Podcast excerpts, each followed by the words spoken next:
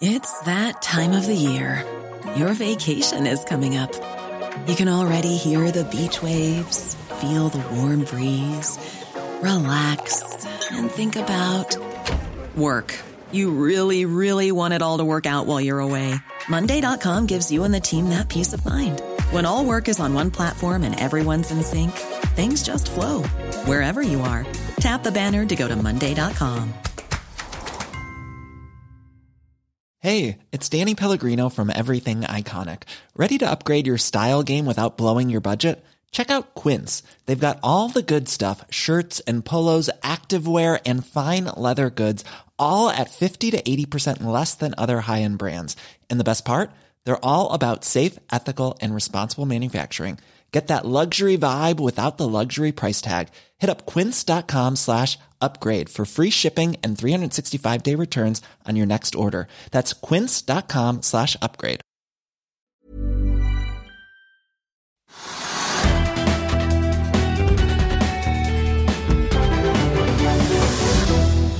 God torsdag og velkommen til Økonominyhetene. Det har blitt 20. januar, og vi kan konstatere at hovedindeksen nå er ned fjerde dag på rad, med en nedgang på 0,15 eh, så langt i dag.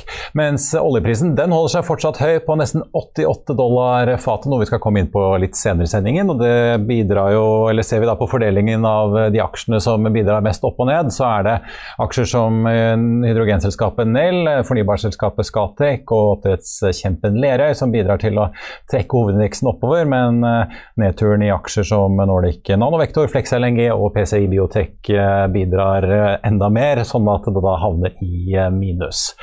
Ser vi rundt oss på kartet i Europa, så er det rødt på både hovedindeksen i Storbritannia og Paris. Ellers er det stort sett Eh, grønt, og futuresene på Wall Street de peker også mot en eh, grønn start på de amerikanske børsene nå om en times eh, tid. I sendingen i dag får vi besøk av sjefen i oljeselskapet Okea, Svein Liknes, og vi skal også få teknisk analyse av Kitron. Men først skal vi ta en titt på litt av de andre nyhetene som har kommet i markedet i dag. Sent onsdag kveld meldte Nordic Nanovekter at de har hentet 250 millioner kroner. Emisjonskursen ble satt til 14, og torsdag har aksjen deiset ned drøye 25% til 1460.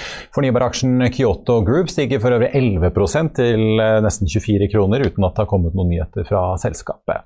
Når vi først er inne på fornybar, så får vi også ta med at eh, Otovo, solcelleformidleren, har kommet med sine kvartalstall i dag. De meldte på morgenkvisten om en kraftig resultatvekst og en ordrebok som este ut med 620% Otovo melder om at de har solgt like mange prosjekter i fjerde kvartal som i hele 2020.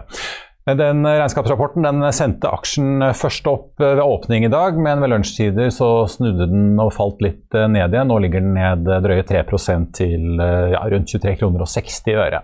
Kontantbeholdningen til Lotovo den var ved utgangen av kvartalet 224 millioner kroner, opp 17 fra kvartalet før. En annen aksje som det har vært uh, sving på i dag, er Autostore. Den faller nesten 5 etter uh, at uh, Autostore har blitt slaktet av Okado Group, som i en pressemelding skriver at to av tre patentkrav som Autostore har anlagt i Storbritannia, har blitt trukket.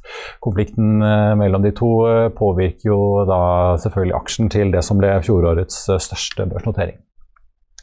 Etter at mandag ble klart hvem som hadde vunnet frem i den store havvindauksjonen Scotwind i Skottland, så har det vært tøft for aksjonærene i Aker Offshore Wind. De og Equinor var jo blant aktørene som ikke vant frem, og Aker, eh, havvindaksjen til Aker har falt rundt 30% denne uken. I morges, tre dager etter at resultatene fra auksjonen eh, kom, rykket Aker med Christian Røkke i spissen ut med en børsmelding for å berolige markedet og investorene. I tillegg til å si at de selvfølgelig er skuffet over resultatet, så skriver man også at Aker står bak Aker Offshore Wind som en langsiktig eier, og at man ikke jobber med noen emisjon for øyeblikket i Aker Offshore offshore wind, slik det har vært eh, spekulert i at selskapet kan måtte gjøre for å fylle kassen. Hvis man ser på regnskapet til Aker Offshore Wind per tredje kvartal, så renner det i snitt ut eh, rundt 70 millioner kroner av kassen i måneden. Og hvis ikke selskapet da bedrer den kontantstrømmen, så vil man gå tom for penger i løpet av tredje kvartal i år, og dermed trenge ny finansiering. Aker Offshore Wind har hentet seg en god del inn i dag, eh, rundt 4,5% etter børsmeldingen fra Fornebu. Før vi kjører videre, så vil jeg bare minne om at hvis ikke du rekker å se denne sendingen, så kan du også høre den som podkast ved å søke opp Økonominyhetene på Spotify, Apple Podkast eller ved å gå inn på finansavisen.no podkast. Det har vært eh, rentemøte i dag, et rentemøte som for øvrig er sentralbanksjef Øystein Olsens siste før han går av eh, neste måned. Det ble ingen renteendring på tampen av hans eh, periode, og hvorfor skal vi få en forklaring på her. Redaksjonssjef Are Haram her i Finansavisen. Du, før jul så ble det jo spekulert i om eh, Norges Bank eh, kom til å øke eller ikke øke renten. Det gjorde de. Nå har det vært eh, et såkalt mellommøte, og de har valgt å holde renten på 0,5% Hvorfor gjorde de det? De endrer vanligvis ikke renten ved mellommøtene. De gjør det ved de fire hovedmøtene i året, hvis det er det som er planen. Hvis de skal ha renten opp eller ned. Eh, nå holder de seg til planen. De sa i desember at eh, neste renteheving sannsynligvis kommer i mars, og det gjentar de i dag. Og Hva er det egentlig de sier om eh, situasjonen i norsk økonomi? Vi hadde jo en, hva skal vi kalle det, en nedstengning før jul med omikron. Er de bekymret for den ennå? De var ikke bekymret i desember, og da eh, sa Øystein Olsen at dette mest sannsynlig blir en hump i veien. Nå ser det ut til at de har fått rett, eller Olsen mener i hvert fall at de har, at de har fått rett. Eh, det vil gå over raskere enn venta, med mindre ledighet enn venta. Nesten alt har gått bedre enn venta siden desember, skriver Norges Bank i dag. Og Da kan vi se frem mot eh, en renteøkning i mars om to måneder? Det er helt klart signalet nå. og Analytikerne i bankene varsler at det kanskje ikke holder med de tre rentehevingene Norges Bank har indikert i år. De snakker om sannsynlig eller mulig fire hevinger i år. Og Dette blir jo symbolsk nok også det siste rentemøtet til eh, Øystein Olsen, selv om eh, den nye sentralbanksjefen ikke er navngitt helt ennå? Ja, eh, Han sa i et intervju i E24 at eh, de som mener at han har ønsket å få renten opp, nok har rett. Han går da av med den stilen han har lagt seg på, at hvis det er mulig, så skal renten opp. Nå går vi inn i en periode vi vet jo ennå ikke hvem som blir sentralbanksjef, og når den eh, sentralbanksjefen tiltrer. Men fra tidlig mars, eller i løpet av februar kanskje, så har Olsen gått av, og vi har en eller annen i stedet. Og til slutt, Are, akkurat som ikke rentemøtet var nok, så har også SSB kommet med nye tall og eh, prediksjoner om eh, norsk økonomi eh, i dag. Hva er det egentlig de sier for noe? Det har gått ganske greit gjennom vinteren. Det er litt svakere vekst enn de, trodde, enn de registrerte for et kvartal siden. Flaskehalsen, altså mangel på råstoff og arbeidskraft, er større enn venta. Så noen analytikere sier at dette viser at toppen for veksten allerede er passert. og Det er jo ikke helt eh, i tråd med hva Norges Bank sa i dag. Og de som lurte på eh, når vi får vite noe mer om denne kampen om hvem som skal bli sentralbanksjef etter Øystein Olsen, så var finansministeren på Politisk kvarter i morges, og der sa Trygve Slagsvold Vedum sitat at saken kommer når ting er klart for det. Så får vi se når eh, avgjørelsen og innstillingen kommer. Fra renter og sentralbanker skal vi over til energi, for gjesten jeg nå har fått i studio hadde like mye inntekter på tre måneder i fjerde kvartal i fjor som i hele 2020. Tygg litt på den. Og gitt de høye prisene og inntektene kunne kanskje vært en fra strømbransjen som satt her nå, men ikke helt, for vi har nemlig fått besøk av deg, deg Svein Jakob Liknes, konsernsjef i Okea. Velkommen. Jo, takk for invitasjonen. Du, eh, Ser man på oljeselskapene på Oslo Børs, så har jo dere steget nå 20% omtrent bare siden nyttår. Eh, det er vel bare omtrent DNO som har steget mer enn dere, tror jeg, så her går det unna? Ja, nei, det har vært en veldig eh, fin utvikling både siden nyttår, men nå fjoråret var jo veldig bra. Ja. Og jeg tror det at vi har tydeliggjort hva vi skal fortsette med i vår strategi òg, og er veldig tydelige på hva vi skal holde på med, har, har hjulpet oss. Derfor da får du kommunisert det mye lettere, syns jeg. da. Vi må snakke litt, for Dere kom jo da med regnskapet for fjerde kvartal 11.2, men dere har sluppet litt uh, nøkkeltall i dag. Uh, jeg var jo inne på det, altså dere hadde inntekter på 1,73 milliarder kroner uh, i kvartalet. omtrent, Det er ikke mange millionene unna, men omtrent akkurat det samme som hele 2020. Ja vi som sitter på utsiden, ser jo på en måte hvordan bransjen nå har enorme inntekter fra mm. ikke bare olje, men ikke minst også gass. Mm. Eh, hvordan oppleves det på innsiden?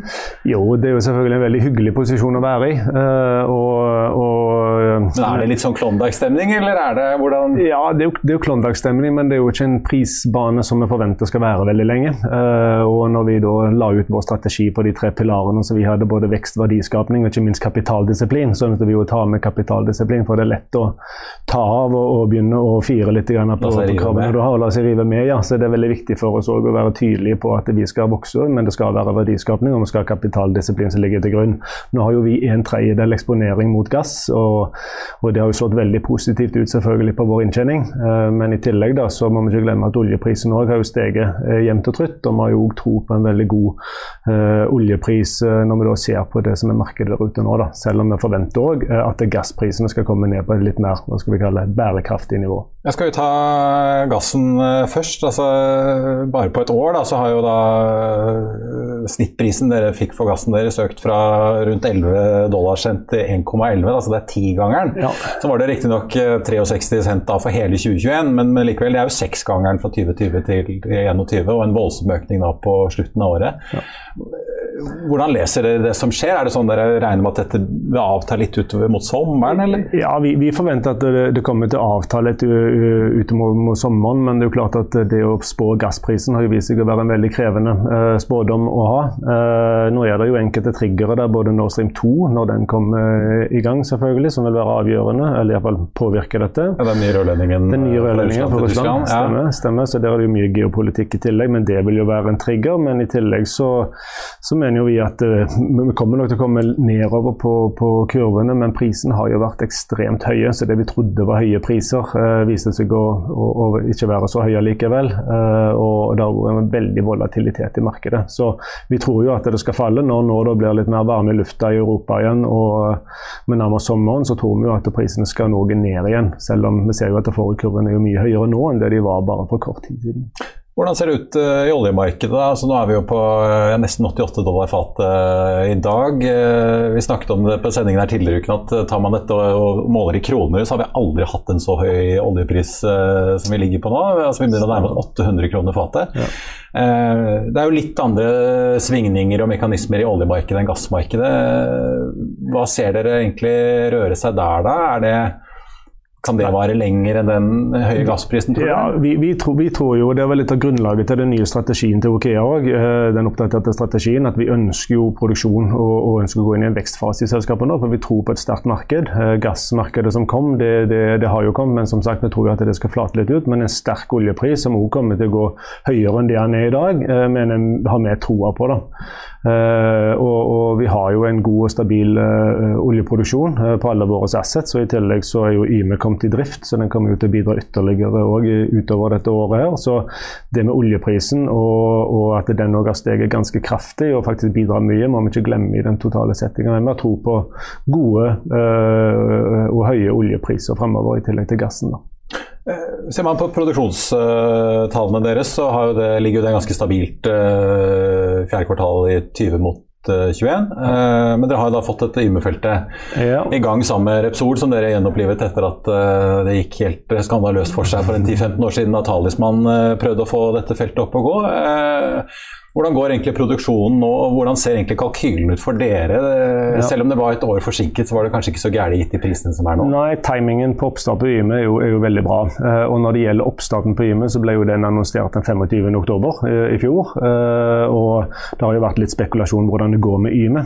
Og det som skjedde med Yme, var jo at det var litt emulsjonsproblemer til å begynne med første morgen, som da måtte løses, men det har operatøren sammen med partnerne løst. de har rensa opp flere brønner både over hjulene og holder på med det nå òg, for å da sende vekk den eh, brønnvæskene som ligger i brønnene, og, og holder på med ramper videre nå da, gjennom dette kvartalet her. Ja. Så selv om det er operasjon I'll see you in court. Vi sier det ofte litt på spøk, men for deg som driver business, er det aldri moro å innse at du ikke har laget en 100 gyldig kontrakt. Du bør ikke risikere hele firmaet ditt fordi du synes dette med kontrakter er litt stress. En avtale er ikke en avtale. Du kan miste kunder, miste venner, ja, til og med miste inntekter om du ikke lager en skikkelig kontrakt, på alt mulig, egentlig. Men vi vet det er et styr, kopimaskiner, treg printer og haugevis av papir. Dessuten stoler vi jo på folk her i landet. Det er ofte litt kleint å skulle be om en signatur for alt mulig, ja, for mye av styret handler også om jakten på underskriften. Det finnes en enkel måte å løse dette på, Dukkobit, en trygg, effektiv og get this, gratis måte å sikre seg en god natts søvn pluss en juridisk bindende avtale. Dukkobit-appen har de strengeste sikkerhetskrav i bunn, samt en EU-godkjent og sertifisert teknologi. Framover vil det bli behagelig å spørre du, skal vi skrive under på det, eller? Kom i gang på dukkobit.no. operasjonelle utfordringene var der i november. Eh, så ble de løst veldig godt. Vi var òg involvert sammen med operatøren på det. Og i en oppstartsfase på et felt så av og til så skjer den type ting, og da må du ta tida til hjelp og sirkulere kjemi. Eh, så, så, det er ikke noe sånn nytt som sådan. Men, men er det da først fra første kvartal i år at man egentlig får full effekt ja. av den produksjonen inn i tallene deres? Det, det vil vi få, og, det, og, de holder vi på å oppdatere profilene på nå. Så det kommer nok til å være en del av vår guiding som vi regner med vi skal klare å legge frem da i februar. når vi presentere eh, Q4-årsrapporten. Hvordan ser, eh, altså Dette feltet ble jo eh, for deres del og Repsola ja, rundt et år forsinket. Det skulle vel koste drøye 8 milliarder rente på 12. Hvordan ser kalkylen ut nå da med de høye inntektene? Fordi Er de høyere enn det dere har budsjettert med? antar jeg? Ja, inntektene de er jo høyere nå enn det de var. I tillegg så har jo de brønnene som nå er startet opp Det var jo litt sånn, ikke spekulasjon, men i alle fall å vite hvilken data det vi får fra brønnene når de faktisk begynner å produsere, har vært veldig positive. Både når det gjelder flow og når det gjelder trykk på de brønnene som nå er startet opp. Eh, så vi ser en, en oppside i Yme i forhold til det som var i de opprinnelige kalkylene. Eh, ja. Det var det. Og den timingen på, på oppstarten, som sagt, da, hvis vi hadde starta eh, i april det året som Yme skulle ha starta, så var oljeprisen rett over 20 dollar fatet. Så da kan vi snakke mye om timing og den type ting. Men det viktigste for oss er at når Yme nå først kommer i drift, at det er en bærekraftig produksjon som vil vedvare når vi da får det i gang. Da. Det er ja. viktigste for oss. Får vi se om dere holder dere til 17 000-18 000 fat uh, for prognose i år, som dere har sagt tidligere når dere kommer da i februar med en oppdatering. Uh, men jeg vil høre litt om, om, planene og tankene deres nå videre. Gitt at uh, dere er relativt positive til, til utsiktene i markedet. og så har vi jo da, Dere har jo fått nye letelisenser nylig i denne TFO-runden. Ja. og dere har jo også for ikke så veldig lenge siden kjøpt dere opp i Ivar Aasen. Eh, det har vi. Da vi snakket sammen i høst, så hadde du akkurat lagt eh, grevling- og vetteprosjektene på hylla fordi de ikke var lønnsomme nok. Mm. Eh, kan du liksom gi oss et bilde av hvor er det dere skal klare å finne den veksten som dere snakker om at dere ønsker å få til? Den veksten som vi prøver å få til i tillegg, så er vi jo vi, holder jo på med leting. Som du sa, TFO vi fikk jo fire lisenser, tre operatørskap og en lisens til, som da er veldig tett opp mot den strategien som vi har. Vi ønsker å vokse spesielt i nærfeltsleting, og nå ligger jo dette rundt Draugen. I år så er fokuset selvfølgelig på å få YMI stabil produksjon. I tillegg så sanksjonerte vi jo Hasselmus-prosjektet i fjor med 4 millioner BOE nett til OKEA, som er ren gass eh, som bygges ut til Draugen. Eh, det ligger eh, an for å få først gass til Draugen i Q4 neste år. 28 dollar i break-even på det prosjektet. I tillegg så er det ren gass. Eh, så det holder vi på med i år. Eh, og så eh, ønsker vi å vokse, og innenfor dette med inorganisk vekst så har vi sagt at vi mener at vi har en god posisjon. Vi har vist tidligere at vi klarer å gjennomføre kompliserte transaksjoner. Ja, da tenker du altså oppkjøp, fusjoner? Spesielt på oppkjøp og fusjoner, og det demonstrerte vi jo når vi overtok Draugen fra Shell. Og litt av vekstcaset og det som er vår story, er jo at vi flytta jo stans av produksjon på Draugen fra 2027 til 2035. Vi jobber med elektrifisering av Draugen og Njord på vegne av, av Equinor, eh, som også vil ha et veldig positivt bidrag på CO2, og for å da kunne produsere det feltet så lenge som mulig. Da, som vi har i hvert fall demonstrert tidligere at vi klarer å gjennomføre dette og klarer å gjennomføre den oppsiden og forretningsplanen som jeg mener eh, ligger i eksisterende felter. Men strømprisdebatten som eh, raser i Norge nå, der har jo liksom oljenæringen blitt en skyteskive fordi dere jo trenger veldig mye strøm hvis dere skal elektrifisere alle disse feltene påvirker da prosessen som dere har snakket om en stund, at dere jobber med elektrifisering av Draugen? Blir den påvirket av eh, den diskusjonen som er eh, på fastlandet, får jeg si? Ja, jeg ble jo påvirka. Vi er jo en aktør i, i energibildet, eh, og, og, som en forbruker, som du sier.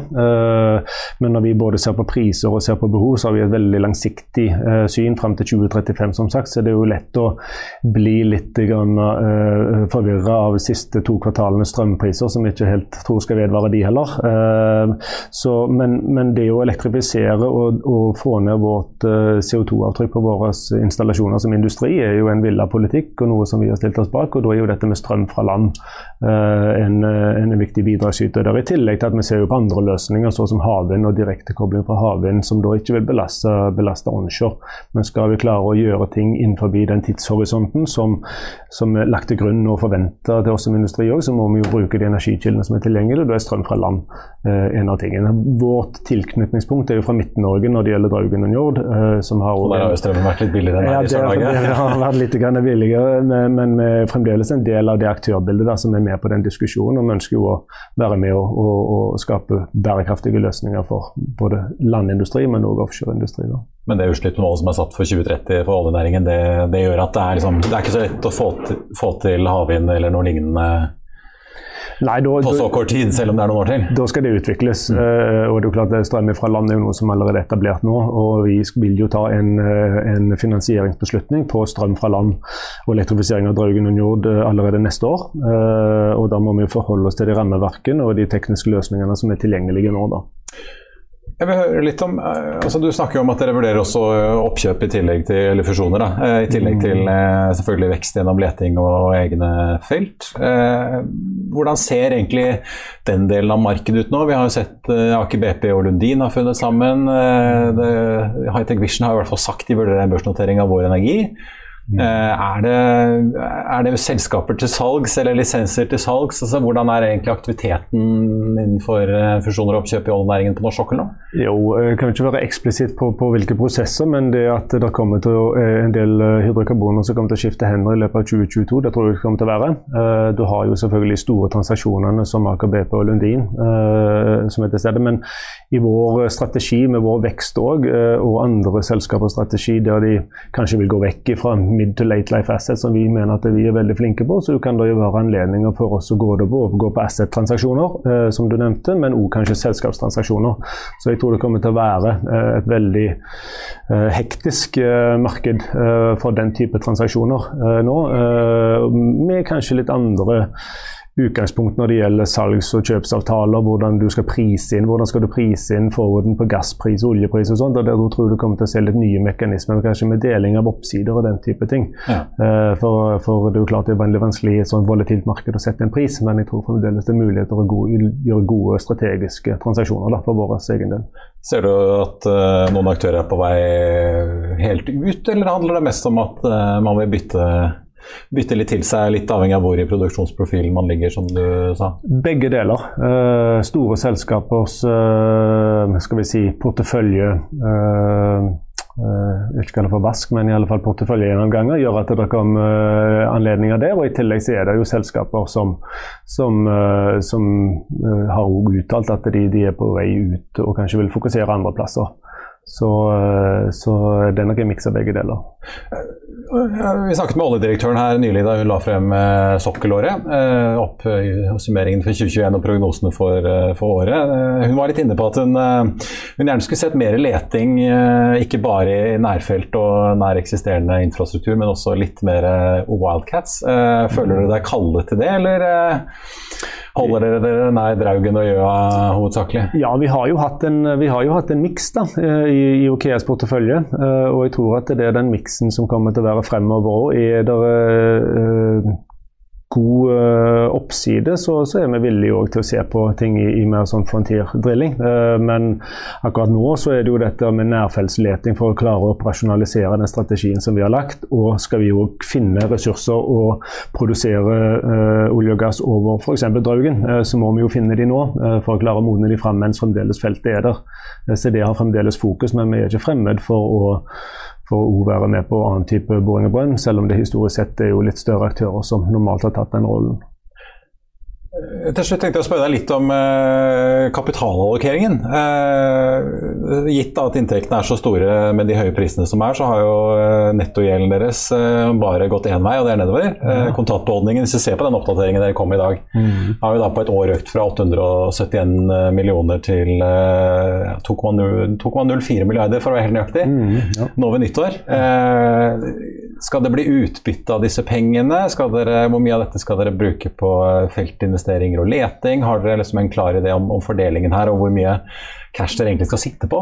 Ja, det er jo en diskusjon som vi, som vi har internt. Uh, bare for å ta den Når det gjelder utbytte, så har det jo vært begrensninger i våre obligasjonslån når det gjelder utbytte, men det har jo utløpt nå. Uh, sånn at det, ja, for det var et lånevilkår, dere kunne ikke betale utbytte? Vi kunne ikke betale utbytte for 2022. Uh, så, så, det var jo en, en forutsetning. og dette med å betale utbytte og faktisk å ha ganske mye penger på bok var en problemstilling som var helt fjern for et år siden for dette selskapet.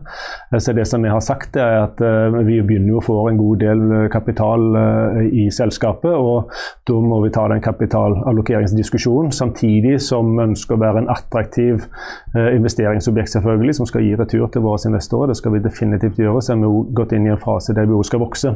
Så da er det jo den der trehoda alternativen dine med nedbetaling av gjeld, og så har du det med utbytte, og så har du det med vekstcasen, da, der enkelte transaksjoner gjør at du da har du en del kapital tilgjengelig, så, så klarer du å vokse deg opp. Og vi tror jo at størrelse og skala i selskapet. Nå bygger vi et skikkelig fundament for Ikea, men vi mener jo at det er så mange fordeler med å bli større, både med kostnad på kapital og, og, og og fremtidig òg utbyttekapasitet vil bli enda mer robust hvis vi bruker anledningen vi har nå, både operasjonelt og finansielt, til å vokse selskapet.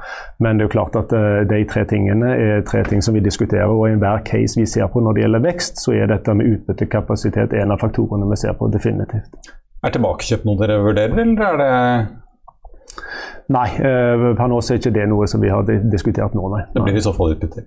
Ja. Uh, det får vi se. Da får vi følge med 11. Ups, 11. februar, Svein Jakob Liknes i Okea. Takk skal du ha for at du kom. Tusen takk. Og Kitron-aksjen er ned 2,1 eh, nå, til 23 kroner og 60 øre.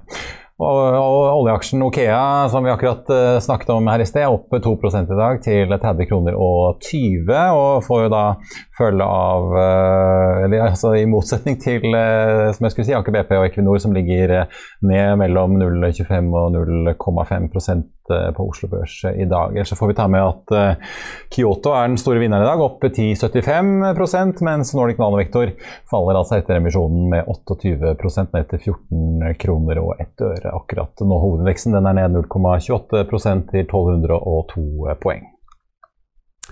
I Finansavisen i morgen kan du lese Trygve Hegnars leder om det han kaller gnålingen over strømprisen. Hvem sin gnåling det er, får du lese om i avisen.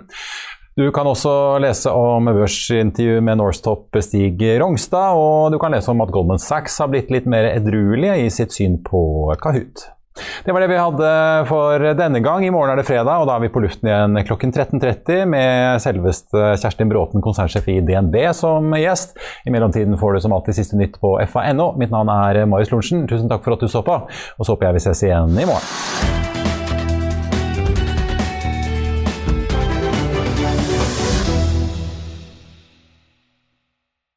Økonominyhetene er en podkast fra Finansavisen. Programledere er Marius Lorentzen, Stein Ove Haugen og Benedikte Storm Bamvik.